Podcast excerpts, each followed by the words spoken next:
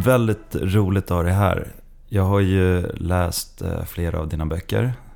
Um, innan jag ens visste vem du var så läste jag bland annat Monster.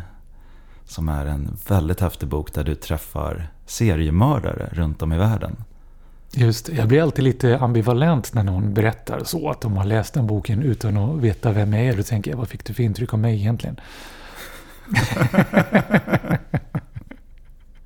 det är en ganska speciell bok. Det var en ganska speciell tillvaro jag levde då. Som jag eh, inte skulle gjort om jag visste om allt jag skulle uppleva på förhand. Men i efterhand så tycker jag att det var viktiga lärdomar. Mm. Hur men, vad, vad var det du upplevde som, du, eh, inte, som fick dig att känna så? Att det finns så mycket mörker i världen, i människor och även i mig. Det var jättejobbigt att inse. Och att det också finns det finns en tjusning i det. Det finns en spänning. Det är som att ständigt åka berg och dalbana som gör att resten av tillvaron kan bli ganska blek. Men det var nyttigt att inse det. Mm. Dels för att då förstå och, och påminna mig om hur viktigt det är att jobba på ljuset som balans. Inte blunda för att det finns mörker i alla. Utan att jobba på att balansera det med ljus. Och också förstå hur förföriska och förrädiska kickar är det här berg och sökandet. Ja, och, och, det är faktiskt en, en, en tanke som jag haft också. För att nu, efter jag läste den boken så har jag läst fler, eller bland annat Nextopia som du har skrivit. Jag var här på din eh, föreställning som du Just har nu det. som heter Föreställningen om lycka. Mm.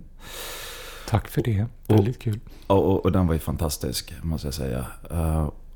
Och det som slog mig var att oj, vad du har varit med om kickar. Alltså du har träffat de fem största seriemördarna i världen. Du har stått på Dramaten och hållit en föreställning med Johan Ulveson. Mm. Du har... Alltså, vad är nästa steg för dig? För du, du pratar om de här berg och dalbanorna, men mm. framåt då? Hur ska du kunna toppa de här kickarna? Ja, det, det, är ju den värsta frågan jag kan ställa mig själv. Ja. Hur ska jag toppa de här kickarna? Det är ju det säkraste sättet att inte lyckas göra det.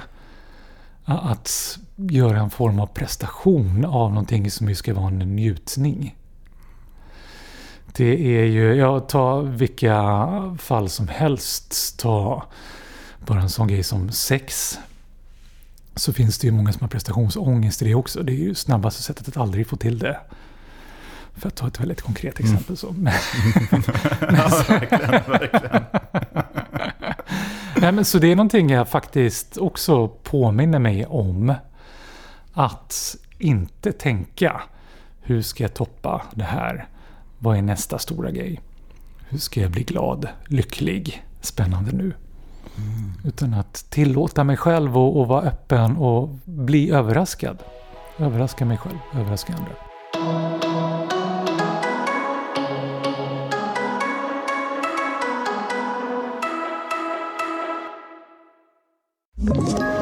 Ett poddtips från Podplay.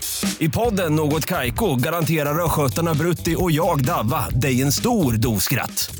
Där följer jag pladask för köttätandet igen. Man är lite som en jävla vampyr. Man har fått lite blodsmak och då måste man ha mer. Udda spaningar, fängslande anekdoter och en och annan arg rant.